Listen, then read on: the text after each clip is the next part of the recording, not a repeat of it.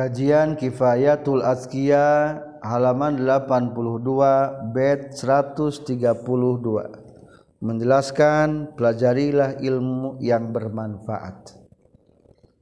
Fata'alaman lillahi ilman nafi'a in kunta tatlubumul kadaraini ta'ala. Fata'alaman lillahi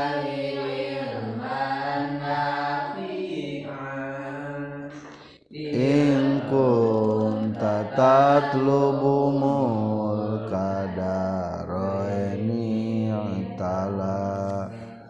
fata'alaman maka kudu ngaji sanyana anjeun karena Allah. Ilman nafian kana ilmu anu manfaat. In kunta lamun kabuktian anjeun tatlubu eta nyupri anjeun mulka darweni. Kana kerajaan dua tempat ya ta'ala anu luhur itu mulka darweni. Hayang jadi bahagia dunia akhirat cailah ilmu anu manfaat Gerapek ngaji karena Allah anu manfaat lamun hayang karaton dunia akhirat lila. Gerapek ngaji karena Allah anu manfaat faat lamun hayang karaton dunia akhirat lila. Lama anha samang-samangsa meragatkan musonib al-kalama kena nyaritakan tentang jalmin berilmu. Ala bayani fadalatil ilmi karena ngajelaskan keutamaan ilmu. walamati alimil akhirati jeung kana pirang-pirang ciri alimul akhirah ulama akhirat. Hasa ngagegereh ngeukehan ngadorong musannif. Ala ta'allumil ilmi kana nyuprina ilmu allazi anu. Yudriju nu matak ngasupkeun ila dika ka anjeun fi zumratihim di golongan para ulama. Fata'al faqala mangka nyorkeun musannif fata'allaman lillah khalapat fata'allaman lillah. Yani ngamaksud musannif. In arada lamun ngamaksud anjeun mulka daroen kana kerajaan dua tempat wa izzahuma jeung kana kamuliaan itu daroen fata'allam tah kudu ngaji anjeun lillahi jalla ka Allah anu maha agung. Naon jalaluh kagungan Allah? La li ghairihi teu kasalian ti Allah. Mimma salihid dunya tina pirang-pirang kamaslahatan dunia. Ilman kana ilmu yang fa'unu manfaat ilman ka anjeun fil akhirati di akhirat. Wa huwa jeung ari itu ilman yanfa'uka fil akhirah allazi eta ilmu yu'rifu anu merenyaho ieu ladi ka ka anjeun hikarata dunya kana hinana dunia wahlah jeung ahlina tu dunia wa yad'u jeung ngajak itu lazi ka ka anjeun mina dunya tina dunia ilal akhirati kana akhirat. Wazalika jeung itu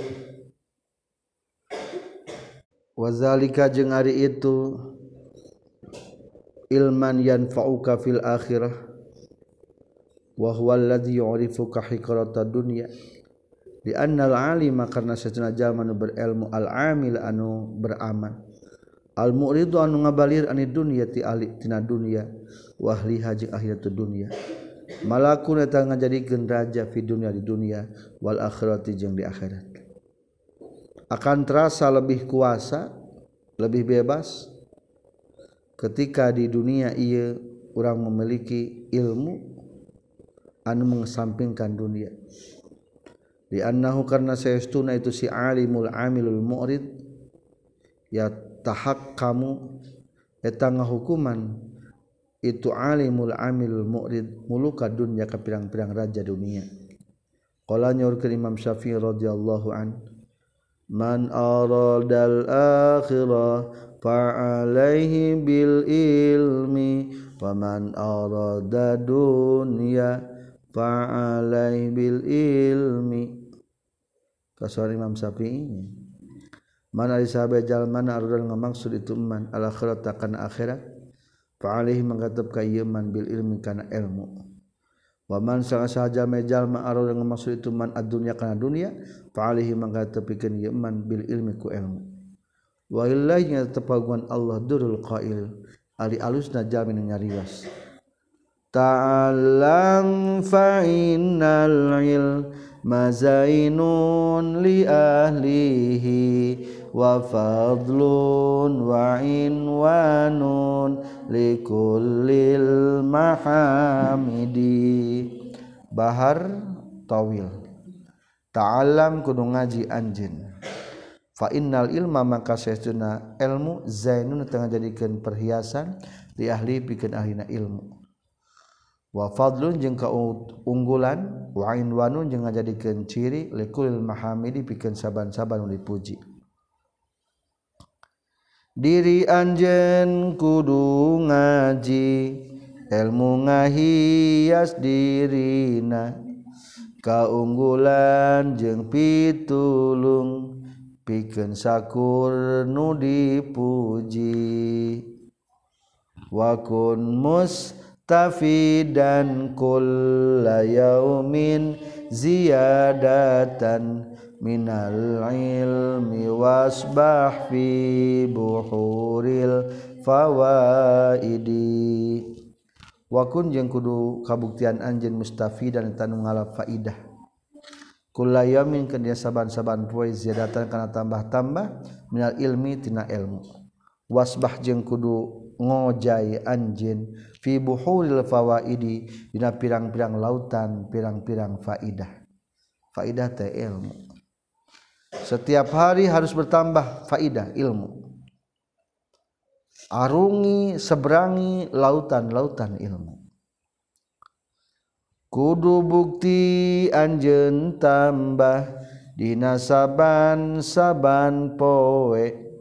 Tambah ilmu kudu telem na lautan masalah ilmu Wa an Anas bin Malik jeung katampi Anas bin Malik qala Anas qala nyorkeun Rasulullah sallallahu alaihi wasallam Man ari sahabe jalma na habban mika cinta itu man ayyan dura. Kana yen ningali iman asqa Allahi kana pirang-pirang peperdekaan Allah minan nari tina neraka fal yang dur tahu ningali iman ilal muta'allimin ka jalma anu keur ngaraji kabeh. Anu ngaji wengi ieu ieu teh peperdekaan neraka.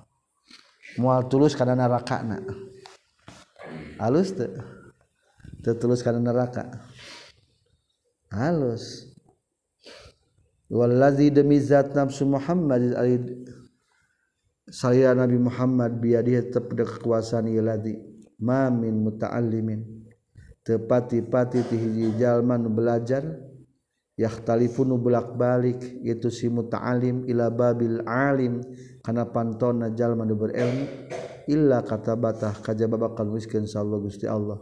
Lahu pikeun tu muta'alim bikulli qadamin. Kana setiap dampal sampean ibadah tasnatin kana ibadah setahun. Wa bunia jeung bakal dibangunkeun lahu pikeun si muta'alim bikulli qadamin kana saban-saban dampal panak sampean. Madinatan kahana hiji kota fil jannati di surga. Wayamsi jeung lempang muta'alim alal ardi di luhureun bumi wal ardu bari ari bumi. Na tastagfiru eta mang mentakeun pangampura ardu lahu pikeun itu muta'alim Wayumsi jeung sore-sore muta'alim wa yusbihu jeung subuh-subuh muta'alim maghfuran bari dihampura salah itu muta'alim Waruya diriwayatkeun naon anna nabi sallallahu alaihi wasallam. Dahola lebet kanyeng nabi almasjidah ka masjid. Faroatu ningali kanyeng nabi majlis saini kana dua tempat. Ahaduhuman anu aris rasaini tu majlis sain Yazguru etan nukur eling ye ahad. Allah ta'ala kalau ta'ala fi di majlis. Wal akharu juga di majlis anu hiji deui mah ya ta'alamu ngaji jalma-jalma fi di akhir.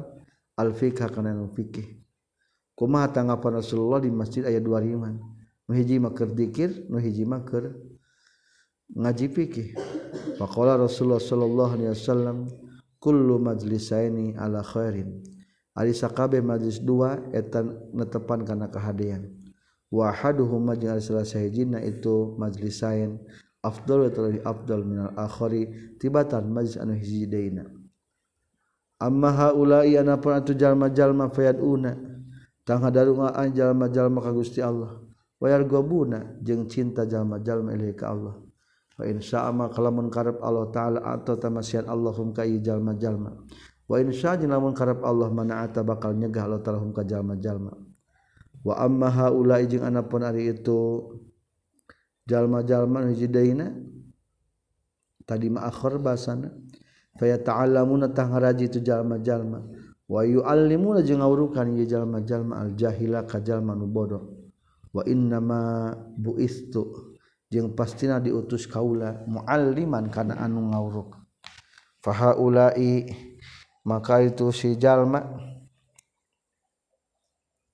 Fahaulai mangkari si akhir jalma nu triungan hiji deina afdal talahi abdul semua jelas satras salik kanyang Nabi ma'ahum satana itu si akhir sareng katampi ti Anas bin Malik ana Nabi sallallahu alaihi wasallam qala inna baban saestuna hiji babna ilmi tina ilmu.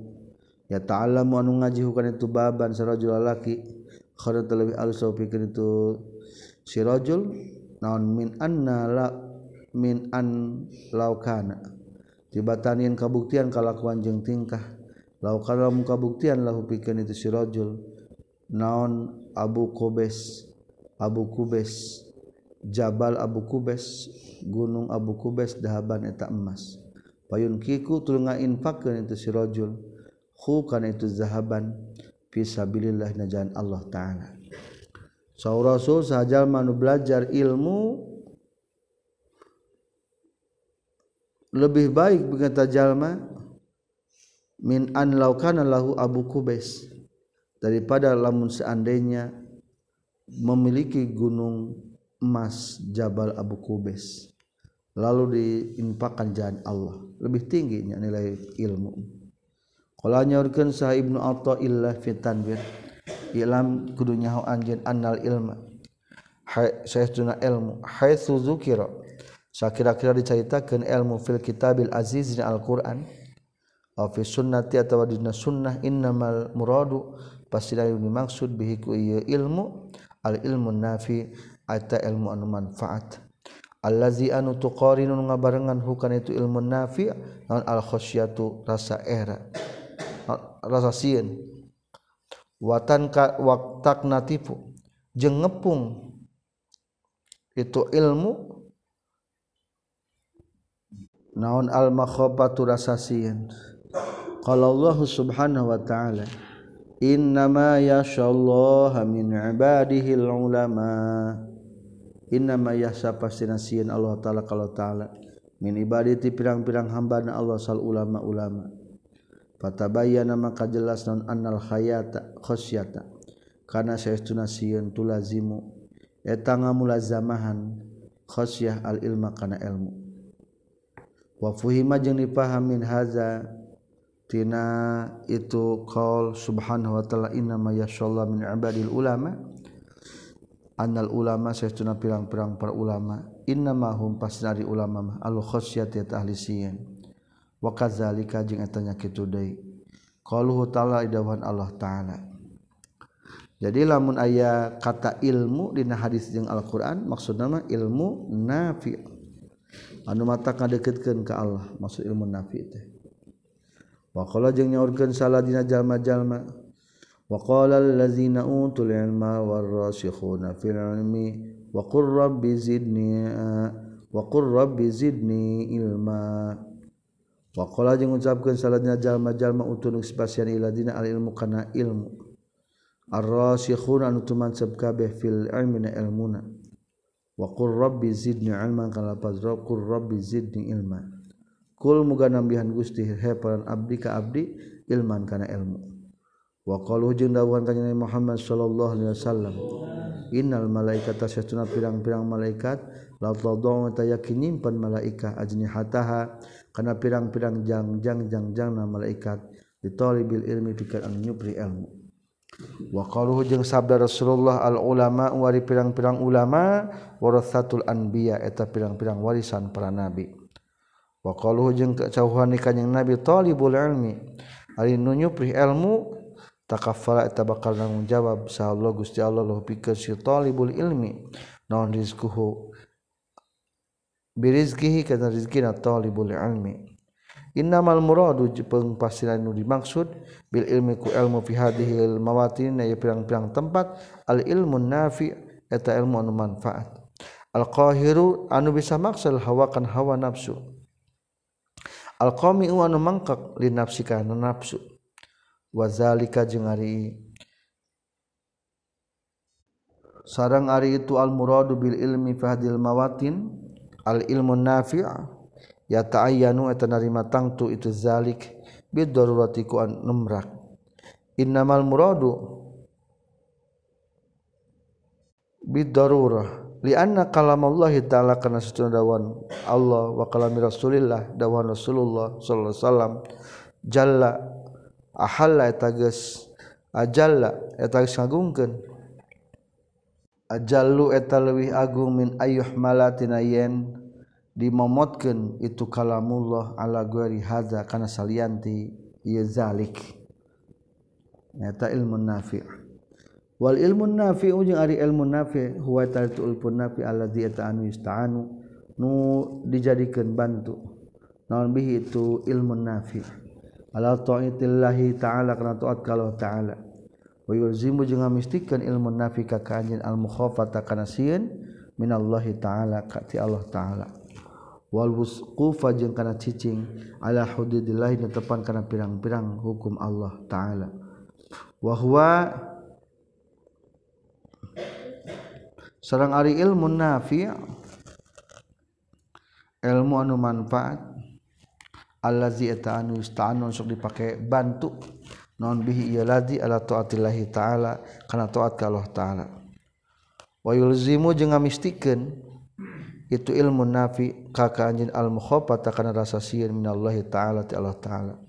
Wal buku jeung kana cicing ala hududillahi taala tepan kana pirang-pirang hukum Allah taala ta'alawahwa je hari ilmu nafi ilmu ma'rifat ilmu ma'rifat Allah ta'ala kau Allah ta'ala. Wayas mulu jeng ngurung. Naon al-amu ilmu ilmu an-nafiu anu na manfaat al-ilma billah kana ilmu anu berkaitan jeung Allah. Wal ilmu wal ilma jeung kana ilmu bima kana perkara amal samarintahkeun sallallahu Gusti Allah. Bihi kana ieu mah iza kanat di mana-mana kabuktian non ta'limuhu. Ngajina itu si karena ilmu nafi' lillahi ta'ala eta karena Allah ta'ala. Intaha paragat kasauran Ibnu Athaillah wa qala jeung nyaurkeun sa Ibnu Ibad fi syarhil hikam. Qala nyaurkeun sa Syekh Abu Abdurrahman As-Silmi radhiyallahu anhu kullu ilmin ari sakabeh ilmu la yusrisu tengah wariskeun tu kullu ilmin sahibahu kana pemilikna itu kullu ilmin al khasyata kana rasa sieun wa tawadhu'a jeung kana andap asor wan nasihata jeung kana nasihat al khalqi ka makhluk was syafaqata jeung kana nyapaa nyaahan alaihim ka khalqi wala yuh wala yahmilu jeung tengah dorongkeun deui. Wala yahmilu jeung teu mikul itu kullu ilmin. Ngadorong maksudna. Huka itu sahibahu. Ala husni muamalatillah ta'ala kana alus muamalah ka Allah ta'ala. Wadail amanati jeung ngalaksanakeun amanah wa mukhalafati nafsi jeung merangan nafsu. Wa mubayanati syahawati jeung ngabedaan kana pirang-pirang syahwat. Fazalika makari itu al-ilmun lazi eta ilmu anu. Layan fa manfaat ieu lazi. Wa huwa wa huwa itu ilmu allazi eta anu. Ista'ada anu geus menta panglindung pangriksa. Minhu tina ilmu saha nabi kanjing nabi sallallahu alaihi wasallam. Faqala maka nyaurkeun kanjing nabi auzubika min ilmin layan fa nyalindung ka Gusti tina ilmu anu teu aya manfaatna. Wawaspillahi ta'ala bilkhosyah jeung nyipatan ka Allah ta'ala jengka para ulama karena sifat rasa malu. Waqala maka nyaruskeun kanjing Nabi innama yakhsha min ibadihi ulama. Innama yasa pasti ruksak sa Allah Gusti Allah min ibadati pirang-pirang hamba na Allah. Al ulama tegasna para ulama. Wa qala jeung nyaurkeun saha rajulun hijalaki sya'bi ka Syekh Sa'bi. Ayyuhal alim he nu berilmu Faqala maka ngawalal itu sa itu Sa'bi al alimu man yakhshallah. Ay jalma nu berilmu mata jalma anu ku Allah taala. Wa qala ba'du salaf man sahabe jalmana aral ngamaksud itu man al ilman kana ilmu falyazdad tahku nambani man khusyuan kana khusyukna wa qala jeung nyaurkeun sarajul hijalaki le junaid ka imam junaid. Ayyul ilmi anfa. Ari anu mana ilmu eta leuwih manfaat. Qala nyaurkeun itu imam junaid. Zalika 'ala Allah ta'ala. Wa ab'adaka an nafsika. Ayah hiji pamegat naros ka Imam Junaid. Ayul ilmi ari nu mana ilmu anfa wa teuh manfaat. Qala nyaurkeun Al Junaid ma eta ilmu dalla nunuduhkeun itu maka ka anjeun Allah taala kalau taala. Wa ab'ada jeung ngajauhkeun ieu maka ka anjeun an nafsika tina diri anjeun. Qala nyaurkeun deui Imam Junaidi Wal ilmu nafiu jeung ilmu manfaat mah mata perkara ya dulu nuduh ke itu mas sahibau ka pemilikna tu ma ala tawaddu ikan handap asor wadawa mil mujahadah jeung langgeng namrangan nafsu. Wari ayati sirri jeung ngariksana sirati wa muraqabati zahir jeung nalungtik zahir. Wal khafi jeung sieun minallahi ta'ala ta'ala. Wal iradi jeung ngabalir ari dunya tina dunya. Wa antalibiha jeung tina anu nyuplihna kana itu dunya. Wa taqallula jeung kana saeutik min hatina tu dunya. pemujana bati abwabi arbabiha jeung ngajauhan pirang-pirang pemilik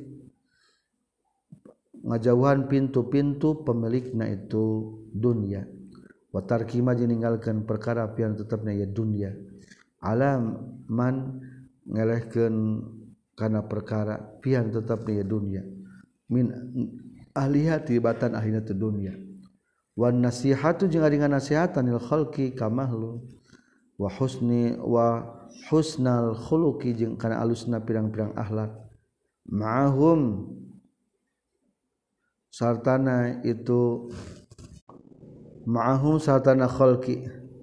Wa jala satu fuqara jeung ngabarengan ka pirang-pirang jalma nu fakir wa ta'zimu auliya illahi ta'ala jeung ngagungkeun ka pirang-pirang walina Allah. Wal iqbalu jeung madep alama kana perkara yoinu nunulungan itu hukashohib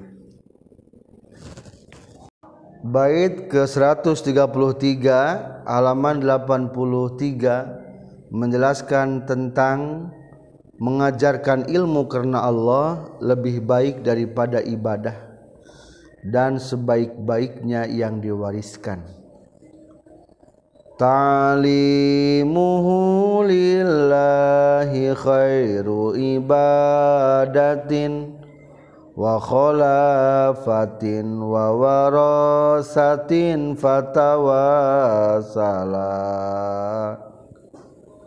Ta'limuhu lillahi khairu ibadatin wakholafatin wawarosatin ta'limuhu ari ngawulukeunana ilmu lillahi karena Allah khairu ibadatin eta pangalusna ibadah. Wa khalafatin jeung alusna peninggalan titinggal. Wa warasatin jeung pangalusna warisan. Fatawassala fatawassalatah kudu gawe tawassul anjen Ari tawasul teh sebuah pelantara untuk menghasilkan tujuan. Setiap amal kebaikan bisa dipakai tawasul. Tentang mengajarkan ilmu sudah sangat baik di hadapan Allah. Satu paling bagus ibadah adalah mengajarkan. Paling bagus peninggalan adalah mengajarkan. Paling bagus warisan bisa mewariskan ilmu. Maka jadikanlah mengajarkan ilmu sebagai tawasul kepada Allah untuk menghasilkan seluruh cita-cita. Terutama menghasilkan kebahagiaan di akhirat dan mendapatkan kemakrifatan. Ngawuruk ilmu karena Allah pangalusna ibadah gaganti warisan ti maula. Ngawuruk ilmu. karena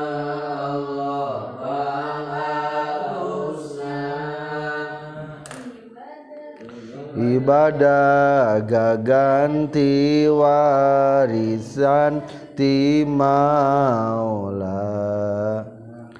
Yani ngamaksud musannif anna ta'limal ilmi kana saestuna ngajarkeun ilmu.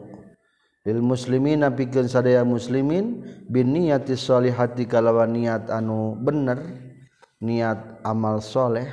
Huwa ari itu ta'limul ilmi khairu ibadatillahi eta pangalusna ibadah ka Allah subhanahu wa ta'ala. Ay afdaluha tegasna pangabdolna ibadah. Dikaulihi karena dauhan kanjing Nabi alaihi salatu wassalam. Ma afadal muslimu akhahu faidatan. Ma afada teu mere faidah saha al muslimu jalma muslim akhahu kadlurna muslim. Faidatan kana hiji faidah Abdullah nulih utama min hadisin tibatan carita Hasanin anu alus. Balagha anu nganepikeun itu si muslim hu ka itu hadisin hasanin hu kasi akhahu. Faballagha tuluy nganepikeun deui itu akhahu hu ka itu hadisin hasanin. Wa qaluhu sallallahu alaihi wasallam sang dawang kanjeng nabi sallallahu alaihi wasallam. kalimatun minal Khair. Arisa kalimattina kahadean. Yusmiu anu ngadenge itu si muslim hakaneta kalimat. Payu alimu tuli ngawurukeun muslim hakaneta kalimat. Wa ya'malu jeung ngamalkeun muslim bihakan itu kalimat khairun talawih alus lahu pikeun si muslim min ibadati sanatin tibatan ibadah sataun di anna ta'lima karna sesuna ngawulukeun al-istighalu eta katungkul bitak milil qalbi kana nyampurnakeun hate wa tathirihi jeung nyucikeun qalbi. Allazi anu huwa nu aritu takmilul qalbi asrafu ma eta pangmulyana perkara fil insani anu tetap aya di manusia. Allazi anu huwa nu arisi insan asrafu maujudin eta pangmulyana anu aya al ardi di luhureun muka bumi. pangmuliana di muka bumi manusia. Pangmuliana nu aya di manusia nyaeta hati.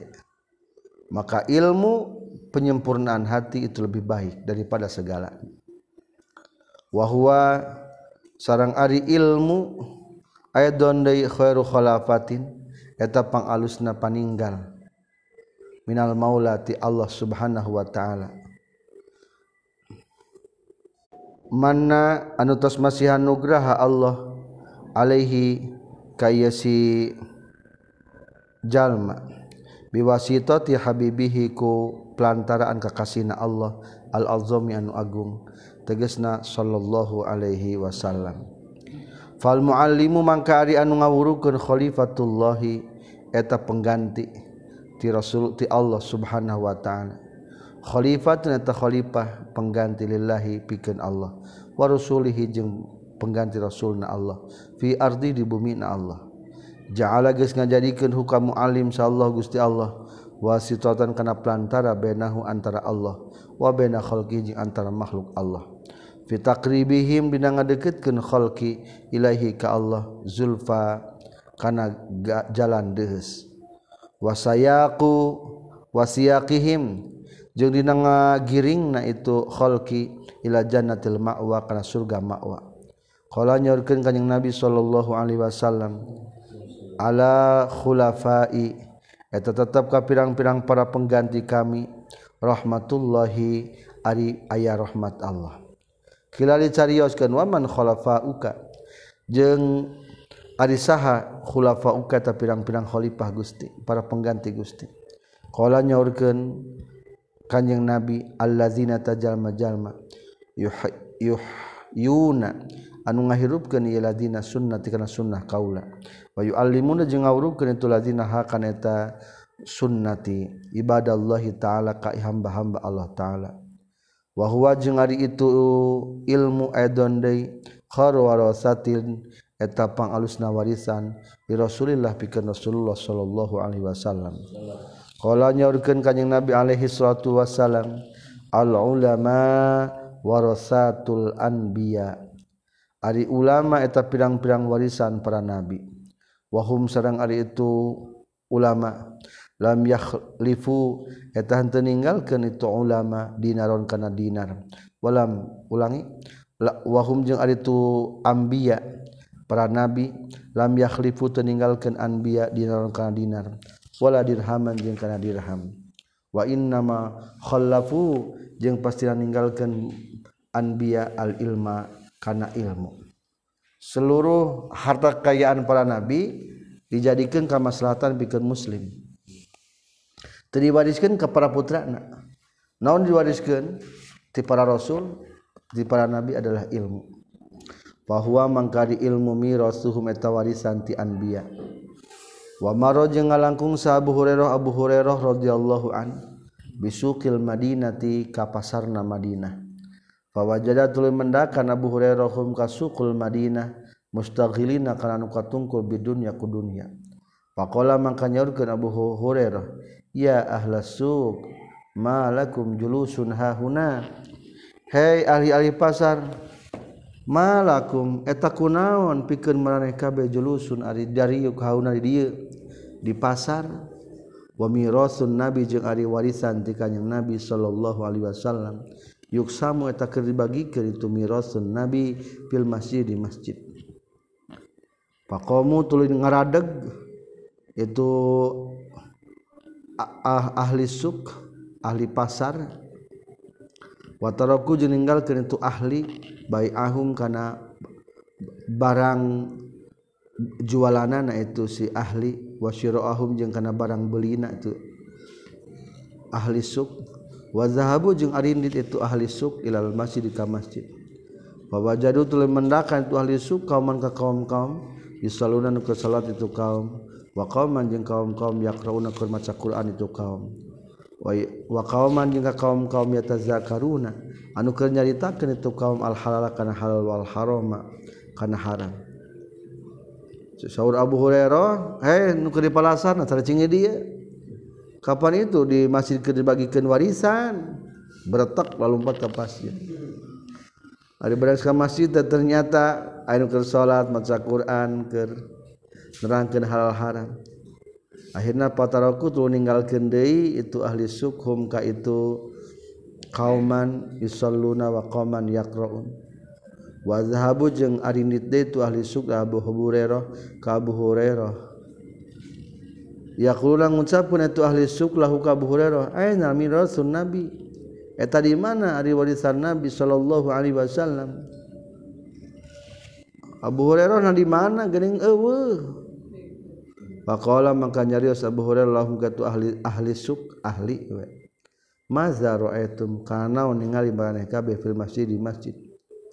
Pakalu maka nyarios itu ahli suk lahu ka Abu Hurairah ma ra'aina teu ningali kaula illa kaza kajaba kanu keur salat wa kaza jeung kajaba kanu keur maca Quran. Pakola maka nyaurkeun Abu Hurairah lahum ma ra'aitumuhu huwa mirasun nabi ngucapkan Abuhum ka itu ahli suk ma ari perkara. Roetumu nuges tingali maraneh kabeh hukana tumma huwa tari tumma mirasun nabi eta warisan ti kanjing nabi sallallahu alaihi wasallam. Fa innal anbiya maka satuna pirang-pirang para nabi alaihi wassalatu wasalam lam yurithu eta teu ngawariskeun anbiya dinaron kana dinar. Wala dirhaman jeung teu ngawariskeun kana dirham. Innama warasu jeung pasina ngawariskeun anbiya al ilma kana ilmu.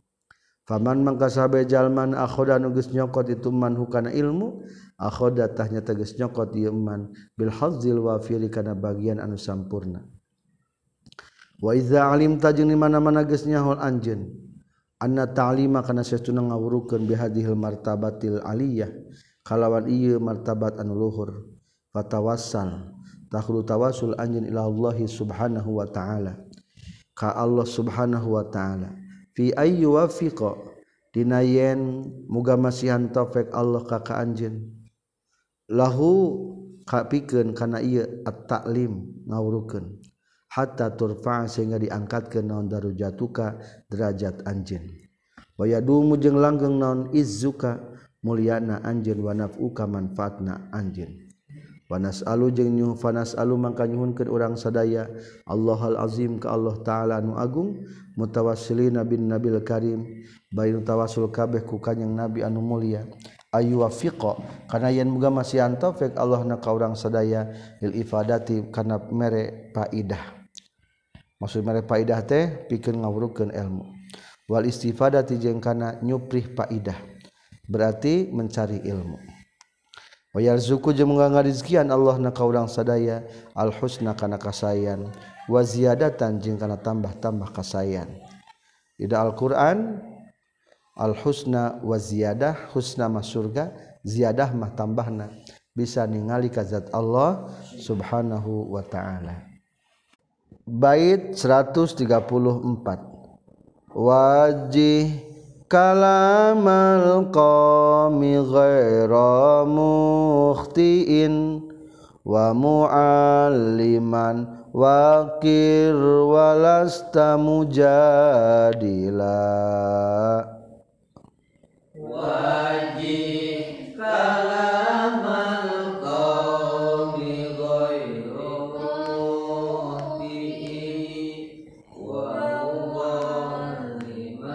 wakir walasta mujadila.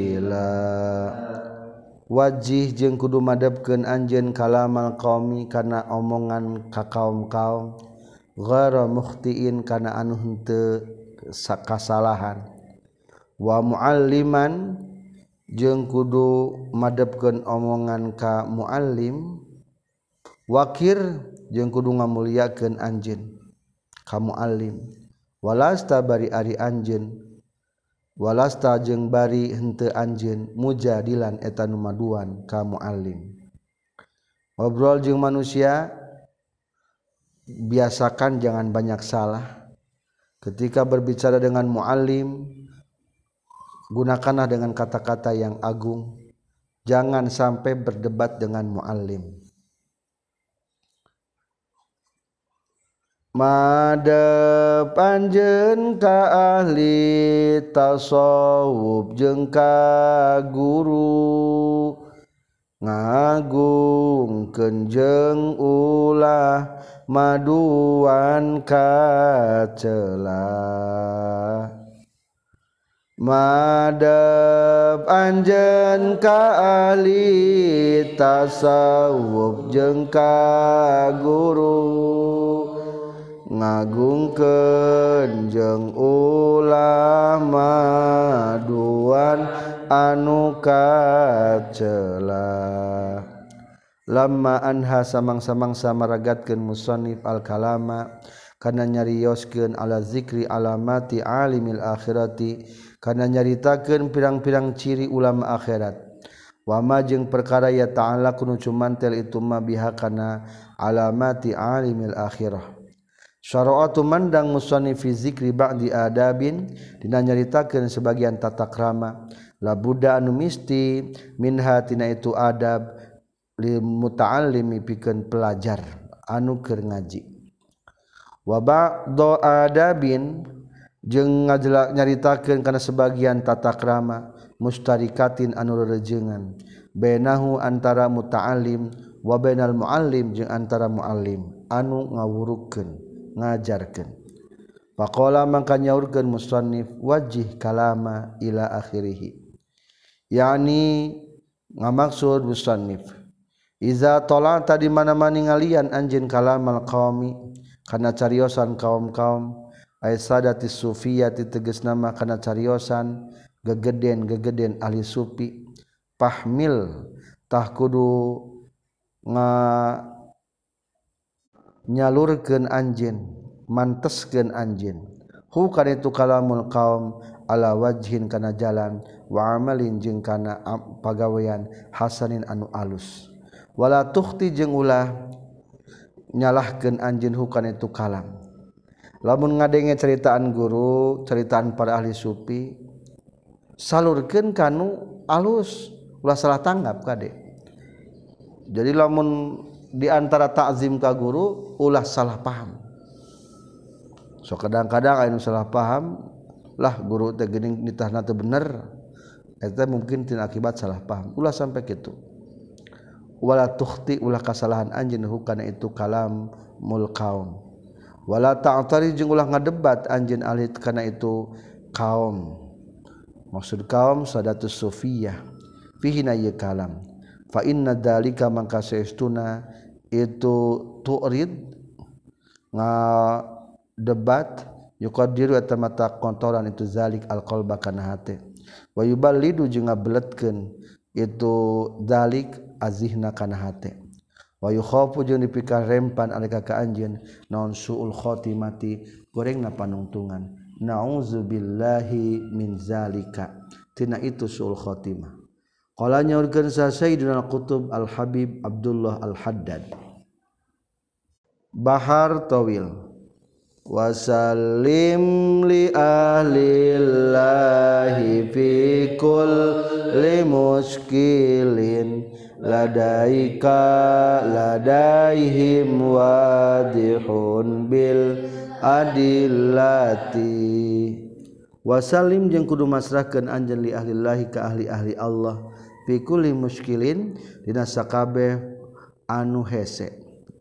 Lamun ayah kata-kata ganjil kaluar ti para ahli sufi pasrahkan mereka aranjena ulah ditafsiran. Ciri takdim eta teh kalebetna. Ladaika mungguh anjeun ladaihim eta tetap mungguh para ahlullah wadihun ari pertela bil adillati kalawan pirang-pirang dalil. Fikuli muskilin ladaika. Cek maneh mah mata hesed nafsir kereta carita. Tapi sebetulnya maladaihim wadihun numutkeun aran jeuna mah jelas eta obrolan ka mana maksudna. Waha nazom Sunda. Lanjut. wahadal adabu sarang ari ieu tata krama huwa eta itu hadal adab al mustariku et nur rejengan minal mutalimi antara nu ngaji wal muallimi jeung anu ngawurukeun. Wa baqiyatul adab bi jeung ari sasesana pirang-pirang tata krama al atiyati anu bakal datang khosatun eta anu khusus bil awali kanu kahiji. Nyata muta'allim. Wakun jeung kudu kabuktian anjeun muwakiron eta nu ngagungkeun lil muallimi ka nu ngawurukan ka anjeun. Muazziman bari nu ngagungkeun lahu ka muallim.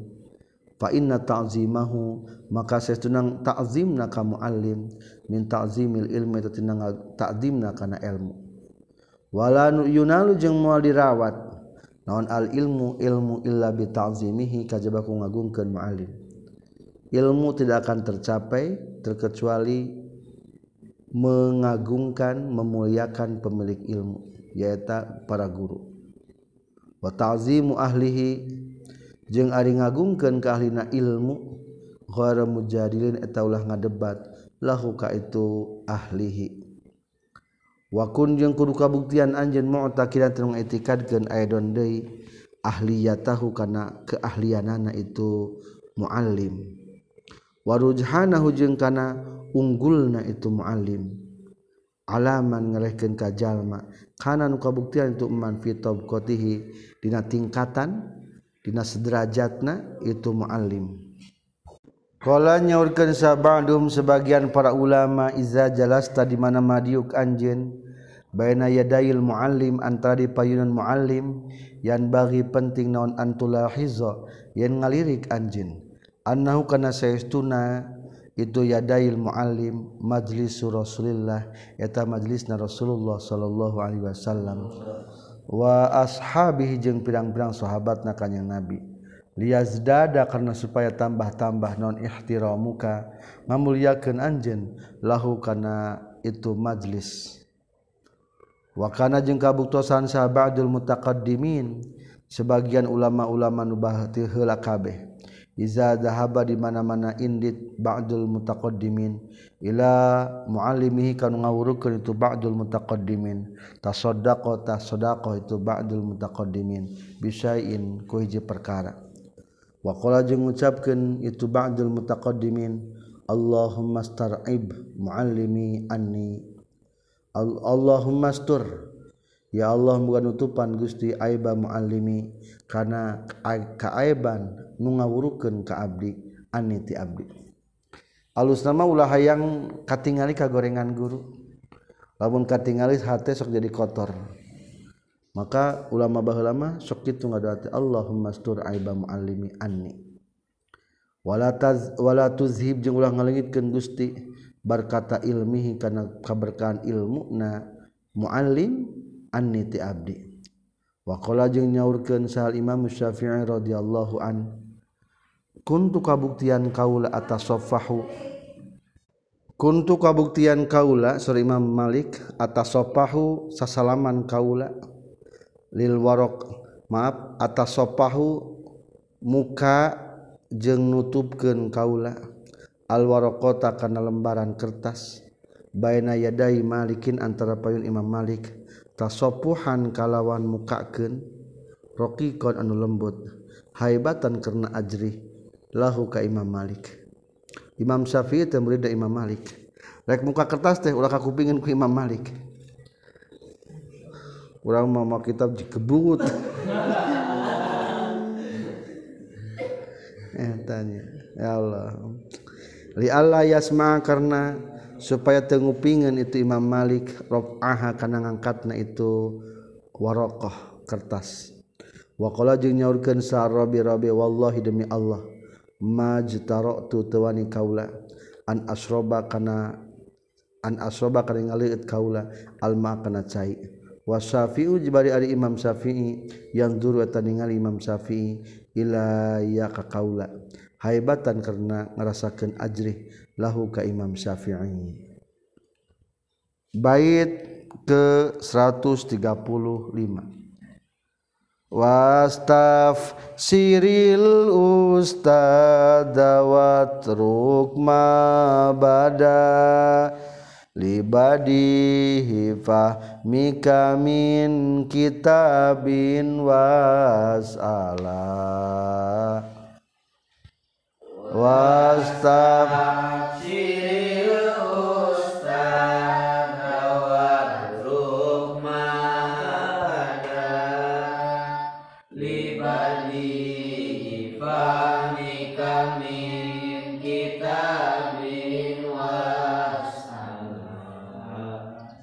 wastafsir jeung kudu menta penjelasan anjin menta tafsiran anjin al ustazah ka guru.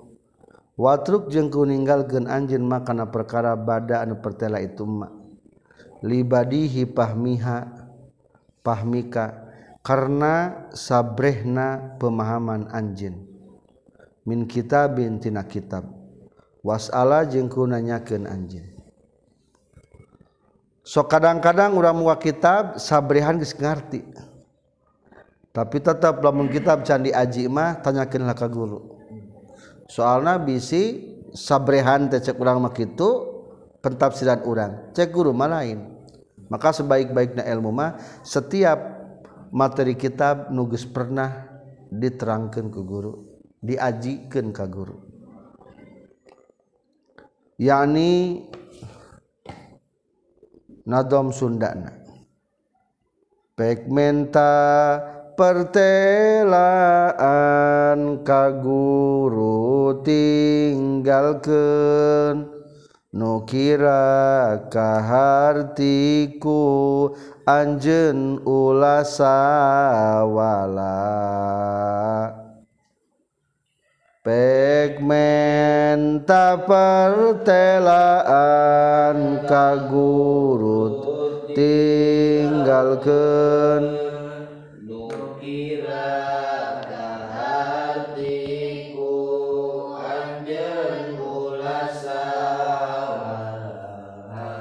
yani ngamaksud nifat lub jeung kudu nyupri anjen min ustazika ti guru tafsir ron kana tafsir. Wabaya nama ma jeung kana penjelasan perkara istabahan saliru ieu emma alika ka anjeun. Watruk jeung kuningalkeun anjen ma kana perkara zuhara anu itu ma min kitabin tina kitab. Lipahmika karena geus na anjeun albadihi anu sabrehan. ail hasil teges temanu hasil awalan dina mimitina. Sabrihan geus kaharti berarti hasil ti awalna. Min gari dikoti nazrin tina hente jerokna pemikiran. Wasalan jeung kunanyakeun anjeun hu ka ustaz hatta yahtahaqqaq sehingga narima nyata indaka disandingan anjeun. Non wa indaka. wadiun. Non wadiun anu hese. Biilqa isami ku ngadeng ku nibakeun pangdenge wa huduril akli jeung hadirkeun akal. Illama kana perkara yuqarriru anu ngajelaskeun itu ustaz kana itu emma. Nakrir kana itu emma. Farubbama talata maka terkadang ningalian anjeun. Wa fahimta jeung maham anjeun. Ma kana perkara lesa anu lain itu emak bimrodil musannif ku tujuan musannif. Awis syarihi atau ketujuan pensarah wahasilul makna jeung ari kesimpulan tina makna ieu bet. Al muradu eta dimaksud anna kata saestuna anjeun. Iza tala'ta di mana-mana mutalaah anjeun fi kutubil ulum pirang-pirang kitab ilmu. Wastabaha jeung narima saliru alika ka anjeun naon fahmun pemahaman non pahmu masalatin memahami hiji masalah? Masalan umpamana fala ta'tamid maka ulah tatagenan anjin ala fahmika kana pemahaman anjin. Fi hayna tu masalah. Min gueri murajabaatil ustadi bari henteu ngabalikan ka guru. Bari henteu dikomunikasikeun deui ka guru. Lima karena perkara kila anu caritakeun. Ieu mah. Aya kata-kata mutiara kieu. innamankana syekhuhu kitabuhu fakhata'uhu aksaru min suwabihi innaman saytuna jalma kana kabuktian naon syekhu guruna itu eman kitabuhu eta kitabna itu eman fakhata'uhu tadi salahna itu eman aksaru eta leuwih loba min suwabihi tibatan benerna ieu eman saha jalma nu guruna teh kitab maka bakal loba salahna tibatan benerna angger sok orang pisang maca kitab dengenkeun kupingkeun penjelasan guru. Bisi salah paham. Bait 137 tali' miraron matnahu qabla syuru. Hifa innahu awla wa asanu. Tali' miraron masnahu qabla syuruh fa innahu aula wa ahsanu ma'ila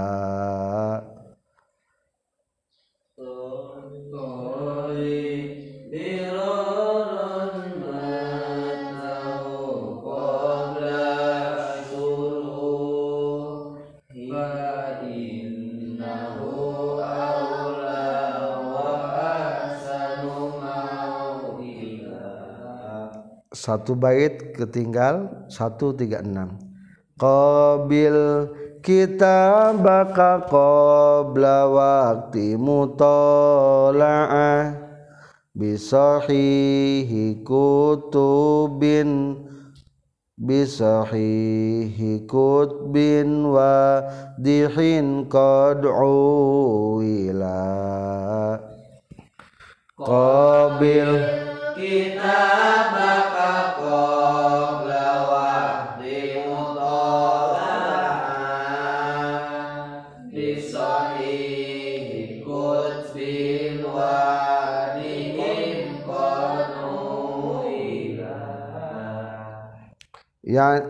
Qabil kudu ngabandingkeun anjeun kitab ka kana kitab anjeun. Qabla waqti mutalaatihi na sameme waktu mutalaahna kitab. Bisahihi kutubin kana pirang-pirang kitab anu bener. Wadihin anu jelas qad uwila anu nyata dipake tatagenan anjeun. yakni ngamaksud musannif qabil kudu ngabandingkeun anjeun kitabaka kana kitab anjeun ayyuhat talib. Qabla waqtil mutalaahnya samemeh waktu mutalaah. Ala sahihil wadihi kana kitab anu bener anu pertela. Al muawwali ale al nu dipake tatageuna naon alaihi al. Minal kutubi nyata tina pirang-pirang kitab. Hatta yasiha sehingga bener naon kita buka kitab anjeun fa inna zalika maka sehtuna itu muqabalah asra wa telewih gancang lil fahmi kana paham. Wasqanu jeung leuwih nguatkeun wahkumu jeung leuwih kokoh. Bandingkeun kitab anjeun maksudna membandingkeun tulisan anjeun dina waktu mutalaah kana kitab-kitab anu bener anu jadi pegangan. zaman baheula mah kitab teh hese. Santri teh yang ngaji kitab sabda nulis heula. Maka tulisan orang sesuaikan heula jeung kitab asli sapina. Supaya lamun diapalkeun teu salah ngapalkeunana ulah teu salah paham teu gagal paham engkena madep anjeun kana kitab memeh nampoan. Kalayan sohe nu pertelaan dicela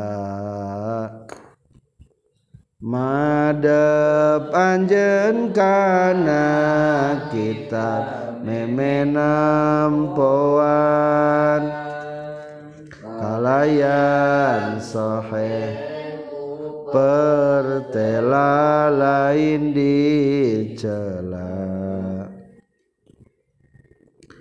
tali' miraran masnahu qabla syuruh fa innahu aula wa ahsanu ma'ila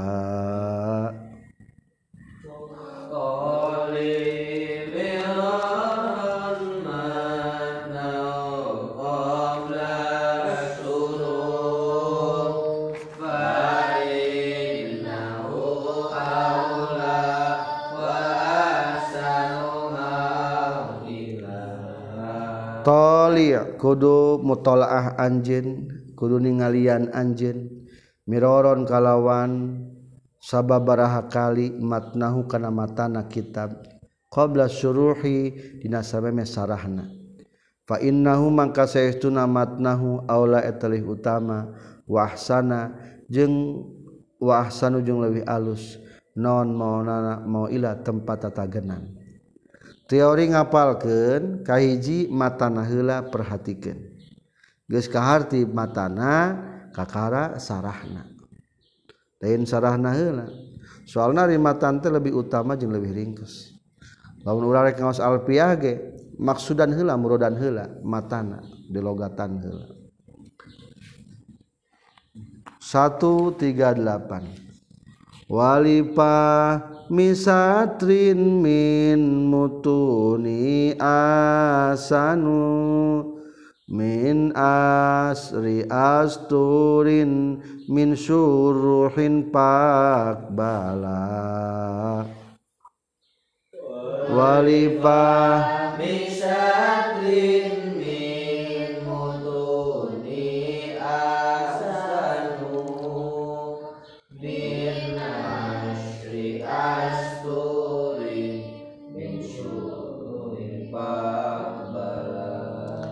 walifahmi satrin jeung eta tetep pikeun pahamna sajajar. Min mutunin tina pirang-pirang matan ahsanu ari leuwih alus. Min asri asturin tibatan 10 pirang-pirang jajar min suruhin tina pirang-pirang sarahna. Fakbala kudu madep anjeun. Lebih baik apal sajajar tina matan daripada apar 10 jajar tina sarah. Maham sasatartina matan lewi hade. Tinimbang sapuluhna sarah tetetela. Maham sasatartina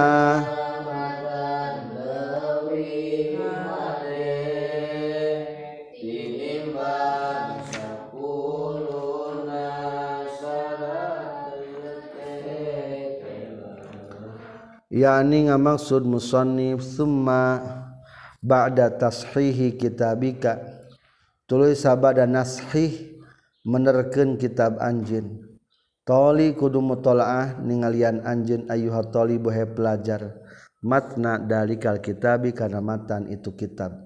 Qabla mutolaati syuruhihi dina samemeh ningalian kana sarahna kitab.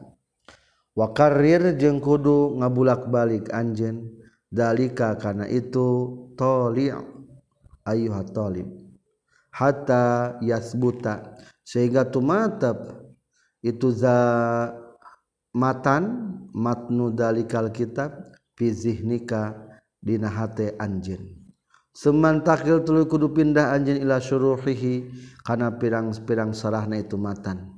Fa inna zalika maka saestuna itu toli ayuha talib matan aula etalih utama laka pikeun anjeun min mutalaati syuruhi tina tibatan mutalaahna pirang-pirang sarah awalan dina mimitina yudang fi zihnika kana lemahna hati anjeun an hatina syuruh. Wa ahsanu jeung eta leuwih alus naonna mauilan tempat tata genanana. Ae marji'an tegas sama tempat pangbalikanana fistihdoril masaili dina ngahadirkeun pirang-pirang masalah.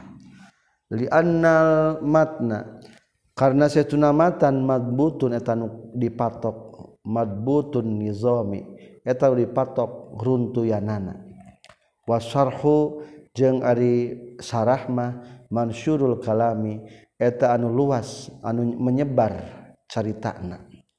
Warubama la yastahdiru jeung terkadang teu bisa ngahadirkeun. Naon azzihnu hate jami'a kalami syarhi kana sakabeh caritaan sarah.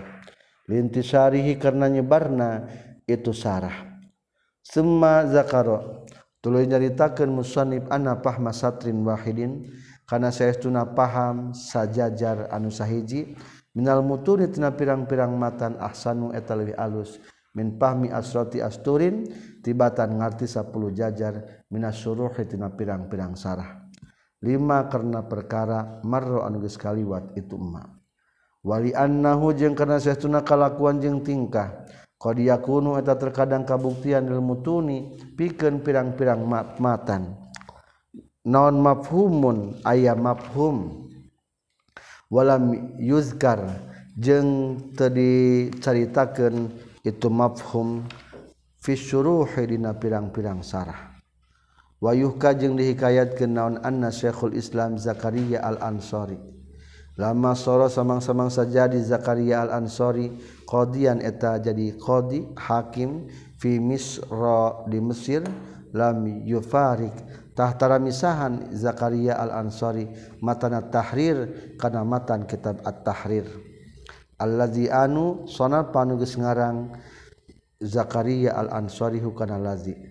Wakana jeung kabuktosan itu matan tahrir ya jalu eta ngajadikeun Imam Zakaria hukana matan tahrir fi jaibi jubbatihi dina kantong dina pesak jubahna Zakaria al-Ansari. Matan teh disimpen na pesak nu penting. Urang osok namatan alfiah di pesak. フフフ。